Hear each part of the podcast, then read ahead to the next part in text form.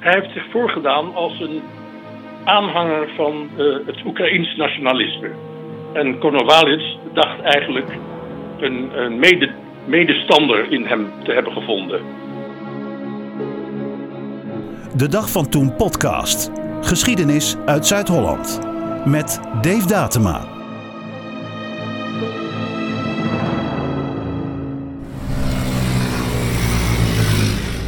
Welkom bij de 14e aflevering van de Dag van Toen podcast. De geschiedenispodcast over historie uit jouw regio.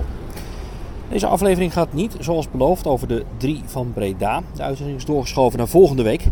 Maar over een onderwerp dat meer naar de actualiteit ligt. De oorlog in Oekraïne is nu ruim twee weken aan de gang. En voor veel mensen is het nog steeds een ver van mijn bed gebeuren. Maar dat is wel eens anders geweest. Wij gaan terug naar deze plek. De Kossingel, daar sta ik nu, in Rotterdam. Mei 1938. Hoe een Oekraïense vrijheidsstrijder in Hartje Rotterdam om het leven kwam bij een bomaanslag. Een aanslag die later het werk bleek te zijn van de Russische geheime dienst, de KGB. Deze reconstructie is mede mogelijk gemaakt doordat het politierapport 75 jaar na dato werd vrijgegeven. Stukken die je hoort komen rechtstreeks uit dat rapport of uit de kranten uit die tijd.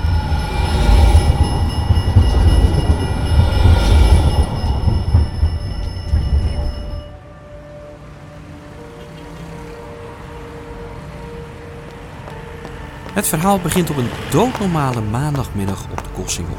Het is druk op straat. Op de stoep loopt een man met een pakketje onder zijn arm en hij heeft haast. En dan. Een explosie. Het hoofdbureau van de politie is niet ver van de klap verwijderd. In de namiddag van maandag 23 mei 1938, de omstreeks 12.14 uur, werd in het gebouw van het hoofdbureau van de politie te Rotterdam een zware slag gehoord, als van een of andere ontploffing. In gezelschap van den commissaris van politie J.P. Rosbach heb ik, Paul Wilke Schoemaker, inspecteur van de politie te Rotterdam en onbezoldigd rijksveldwachter, mij onverweld naar den Koolsingel begeven, waar, te oordelen naar de richting uit welke het geluid was gekomen en volgens het zich onmiddellijk verspreide gerucht, een ontploffing had plaatsgehad.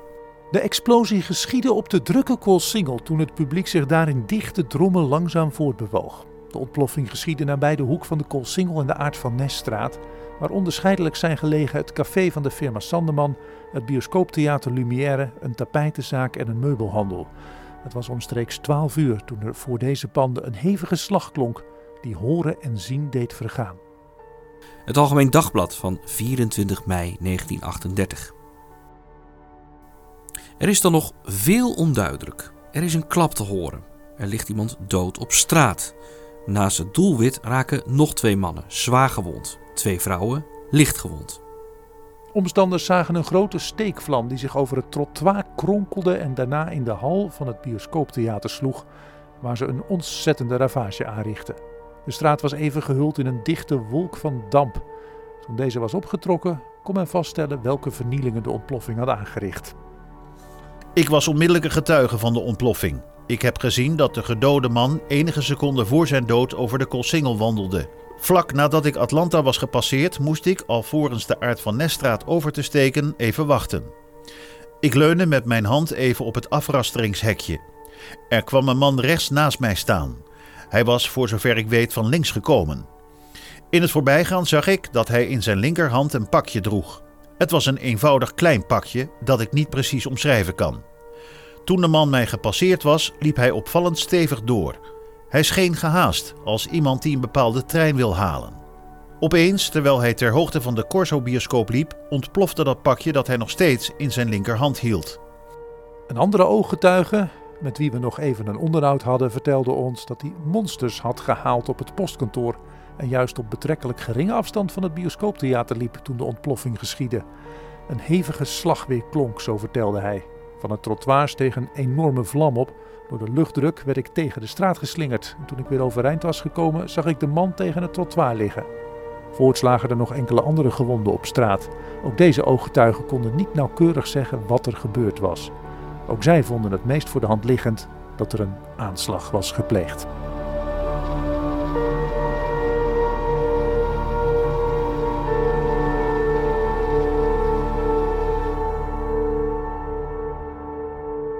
De politie komt niet veel later in actie en zet de directe omgeving af. De gewonden worden geholpen en het onderzoek begint. Op de plaats des misdrijfs werden gevonden tal van stukjes verwrongen blik, stukken van mannenkleding, benevens een gedragen hoed met een weensmerk en aan de randen beschadigd stukje stevig karton, onregelmatig, maar ongeveer vierkant van vorm. Groot, circa 4 x 4 centimeter. Aan de ene kant, buitenzijde, grotendeels beplakt met gekleurd papier. Aan de andere kant, binnenzijde, glimmend, alsof het met een glanzende, kleurloze stof was bedekt. Aan die zijde droeg het kartonnetje bovendien sporen als van kruidaanslag of verbranding. De politie heeft dus een lichaam van een onbekende man die door een explosie om het leven is gekomen. Maar wie is hij? In de kleding van de man zit een paspoort uit Tsjechoslowakije. Daarop staat de naam Novak en een treinkaartje voor een reis van Berlijn naar Rotterdam. Ook zit er een kaartje in van Hotel Centraal aan de Kruiskade. In die hotelkamer vindt de politie de koffer van de man. Uit den grote koffer van Novak kwamen een aantal pamfletten met een Russische tekst tevoorschijn. De rechtercommissaris nam een deze pamfletten over ten einde die te doen vertalen. De naam in het paspoort is vals en levert niets op. De politie zit daarmee op een dood spoor. Totdat iemand zich bij Hotel Centraal meldt met de vraag: waar is Novak? Medewerkers van het hotel bellen snel naar de politie en die komt ter plaatse. De man die naar Novak vroeg is een vriend van het slachtoffer. Hij gaat mee naar het bureau en identificeert het slachtoffer als Yevgeny Kolovarec, leider van de Oekraïnse separatisten. Nou, dat was uh, iemand uh, na, na, de revolutie in Rusland was hij een Oekraïense nationalist. Hij vocht in de Eerste Wereldoorlog mee en is toen de chef geworden van uh, wat wel wordt genoemd de OUN, dus dat is de organisatie van Oekraïense nationalisten. Uh, die, die organisatie die streefde in principe naar een onafhankelijk Oekraïne. En dat was toen, in die periode, was dat gedeeltelijk werd, was dat op Pools gebied en gedeeltelijk was dat op Sovjetgebied. Geschiedkundige Mark Jansen schreef meerdere boeken over de Sovjet-Unie en verdiepte zich ook in deze Konovalec. Volgens de Sovjets had hij ook samengewerkt met Hitler-Duitsland. En dat is natuurlijk in eh, de Sovjet-Unie is dat een, een doodzonde.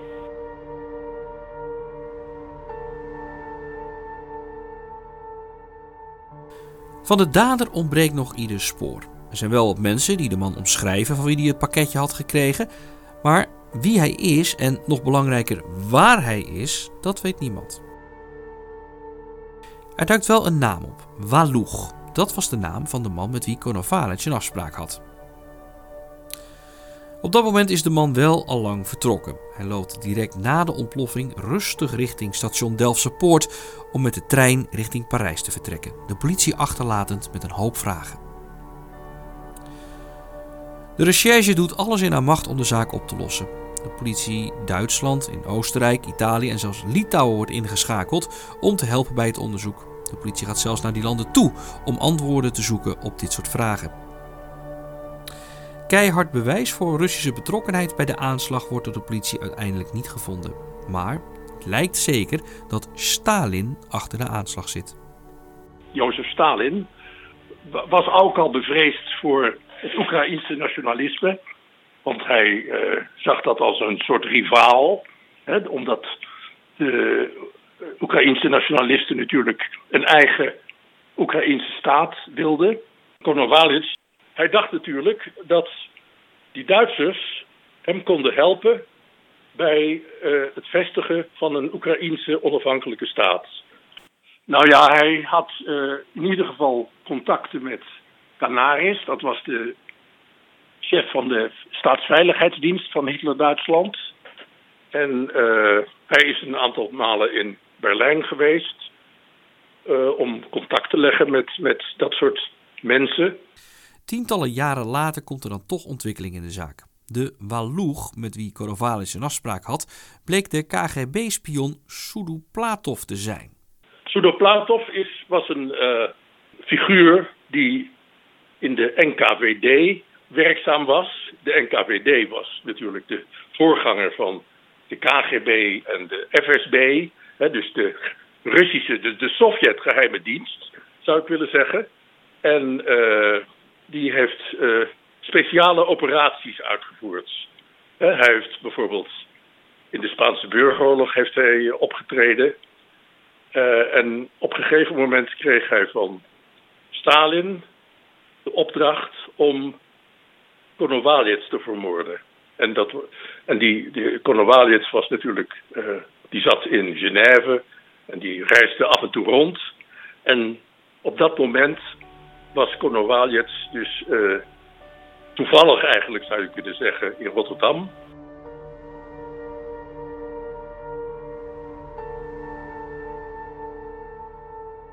Het blijkt dat er heel wat werk aan de aanslag vooraf is gegaan.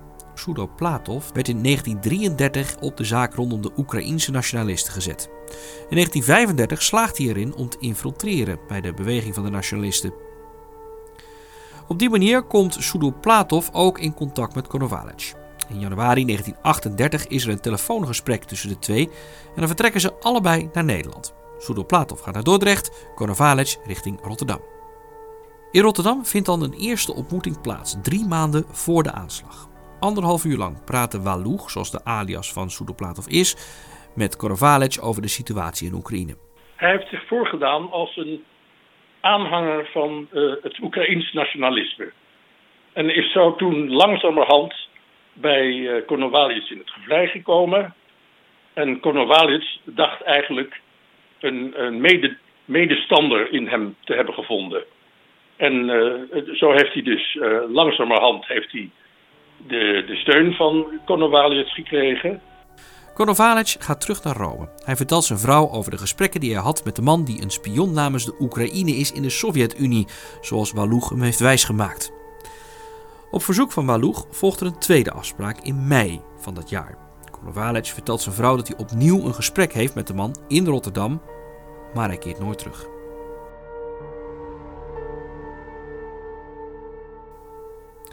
Echte duidelijkheid in de zaak komt er pas in de jaren 90. Op zijn sterfbed vertelt Sudoplatov dat hij achter de aanslag op Konovalec zit. Hij geeft toe, hij was Waloeg.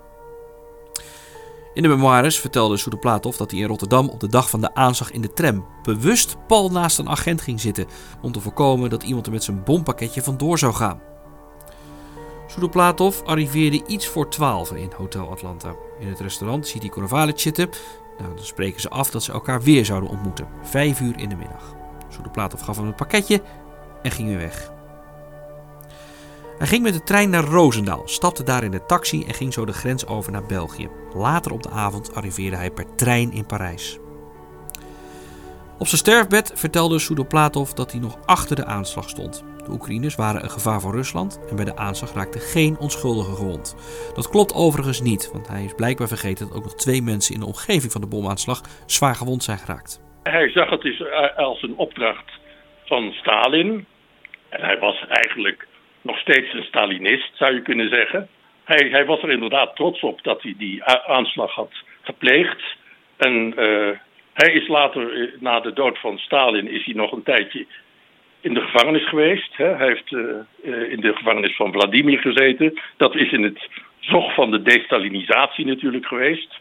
Toen, toen opeens Stalin bleek, volgens Khrushchev althans, bleek een, toch niet alles op de juiste manier te hebben gedaan.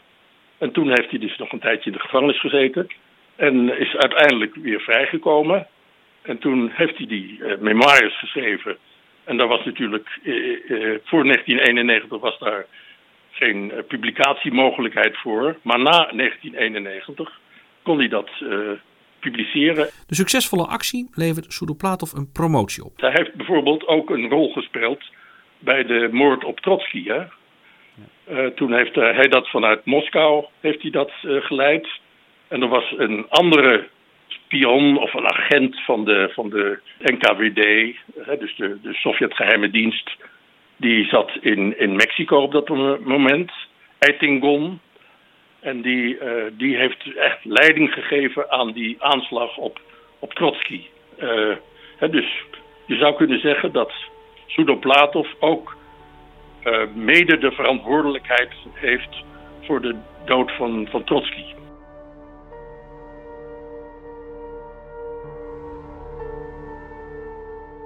Konovalec wordt na zijn dood als leider van de Oekraïense nationalisten opgevolgd door Stepan Bandera. En die zoekt zelfs nog meer de band op met Nazi-Duitsland. In 1941 uh, operatie uh, Barbarossa begon, is hij opgerukt met, of heeft hij laten oprukken met de Duitsers twee uh, OUN-brigades of bataljons, Nachtigaal en Roland geheten. En daar, daar zaten 800 man alles bij elkaar in. En toen ze Lviv hadden bezet, of toen de Duitsers Lviv hadden bezet, of Lemberg, hè, dat was de oude term nog, voor de Duitsers ook. Uh, toen heeft hij, heeft Stetsko, dat was een andere OUN-leider, heeft daar een onafhankelijke Oekraïense staat gevestigd. Alleen de Duitsers erkenden die staat niet. Hè, want die wilden natuurlijk uh, uh, niet dat, er, dat er allerlei rivalen ja. rondliepen. En uh, ze wilden daar levensruim voor de Duitsers vestigen. En dat, dat was, was met elkaar in, in strijd, zou je kunnen zeggen. En in dat licht kan je natuurlijk die beschuldiging zien van dat, dat de Oekraïense nationalisten uh, eigenlijk neonazies zijn. Hè? Dat zien we dus Terwijl nu nog terug bij de woorden van Poetin. Dat eigenlijk helemaal niet het geval is. Want Oekra uh, Oekraïense nationale gevoel is helemaal niet altijd... Uh, gaat dat naar nazi-ideeën toe. En via die weg wordt, wordt, wordt eigenlijk de hele Oekraïense nationale beweging wordt geïdentificeerd met die Bandera, dus de opvolger van Konowalits, zou je kunnen zeggen. En uh, er is een gelijkteken wordt er gezet tussen Bandera, die met name in West-Oekraïne nog wel wordt vereerd. Hè. Dus, ik heb zelf in Lviv en in Ternopil heb ik standbeelden van Stepan Bandera gezien. En maar er wordt dus een, gelijk, een is gelijkteken gezet door de Russen, door Poetin onder andere, tussen Bandera en, en, de, en Zelensky zou je kunnen zeggen. Hoewel Zelensky natuurlijk Joods is van origine. En, uh, en uh, hij heeft ook uh, zijn voorouders hebben geleden van de holocaust. Dus eigenlijk is, is dat is gelijkteken van wat Zelensky betreft eigenlijk helemaal niet juist om die met uh, Bandera te identificeren. Maar niettemin doen de Russen dat toch. En Konovalec, die wordt enkele dagen later begraven in Rotterdam-Krooswijk. Tenminste, wat er van hem over is. De vrouw van Konovalec was erbij een jaar na de aanslag op de Koolsingel voor een herdenking. Het was de bedoeling om binnen een jaar de stoffelijke resten naar Rome te brengen. Maar door de uitbraak van de Tweede Wereldoorlog ging dat niet door. Na de oorlog werd elke vijf jaar de dood van Konovalec herdacht. Volgens de onderzoekers, Jans en de Jong, waren er bij de herdenking in 1958 plannen om Bandera om het leven te brengen. Maar omdat de voorbereidingen tekortschoten, ging dat niet door. Een jaar later werd de Oekraïense leider Bandera alsnog gedood in München. En drie jaar later deserteert de aanslagpleger naar het westen en geeft hij toe dat hij Bandera heeft gedood. Waar Bandera meerdere standbeelden heeft in Lemberg, zoals Lviv vroeger werd genoemd, geldt dat niet voor Konovalec. Als de Russen het over de OUN hebben, dan wordt meestal die figuur van Bandera wordt op het eerste plan gezet. Konovalec, die wordt niet zo heel erg geprononceerd gebracht.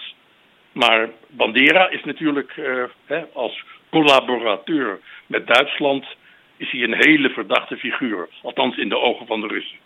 Aanvankelijk waren er plannen het graf van, van Konovalets over te brengen naar Oekraïne. Naar Kiev of naar Lviv. Dat is onduidelijk. En uh, dat, dat zou dan een soort bedevaartsoord worden. Hè? Dus een begraafplaats voor de helden van Oekraïne, zou je kunnen zeggen. En uh, daar, daar zou dus ook een, een plaatsje voor Konovalets worden gereserveerd. Maar dat is tot nu toe nog, nog steeds niet gebeurd. In ieder geval. Tot zover geschiedkundige en hoogleraar Mark Jansen over de geschiedenis rondom Konovalec, de Rus, de Oekraïner en de bom op de Koolsingel. Meer hierover op onze website dagvantoen.nl. Geschiedenis uit jouw omgeving. Dit is de Dag van Toen podcast. Zin in meer terugblikken op dagvantoen.nl? Dat kan. Komende dinsdag is er een terugblik op de aanslag van het Volksfront voor de Bevrijding van Palestina in de Botlek bij Rotterdam in 1971. De schade viel mee en bovendien hadden de aanslagplegers het verkeerde doel uitgekozen. Donderdag een terugblik op het gifschandaal in de Coupépolder in Alphen aan de Rijn 1988. Onder het recreatiegebied Zegersloot Onder het recreatiegebied Zegersloot blijken 100.000 vaten met giftig afval onder de grond te liggen. Ter vergelijking, bij Lekkerkerk ging het om 1600 vaten. Vrijdag een bommelding in Ahoy Rotterdam bij het tennistoernooi van 1974. Tijdens de finale tussen Jimmy Connors en Ivan Lendl komt er een belletje binnen met het dreigement dat er een bom in Ahoy zou liggen. Binnen 7 minuten was heel Ahoy leeg. Op 9 maart 1954 komt er een einde aan de bokscarrière van Beb van Klaveren. De Olympisch kampioen van 1928 moet dan wel beloven dat het echt voorbij is. Van Klaveren is dan namelijk al 48 jaar.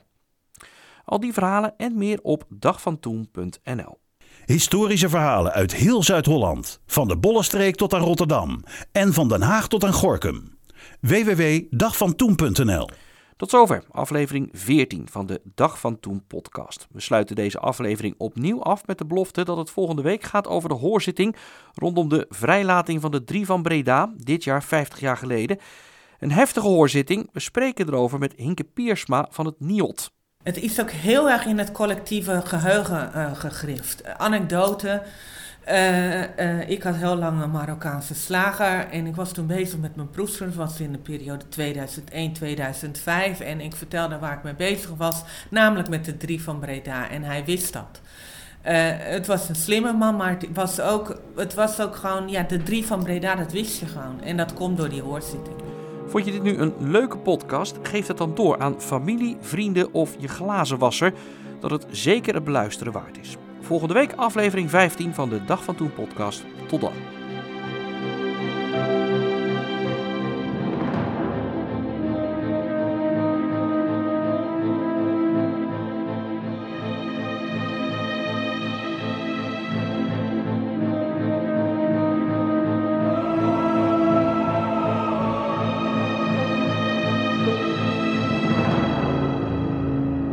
Dag van Toen podcast. Geschiedenis uit Zuid-Holland.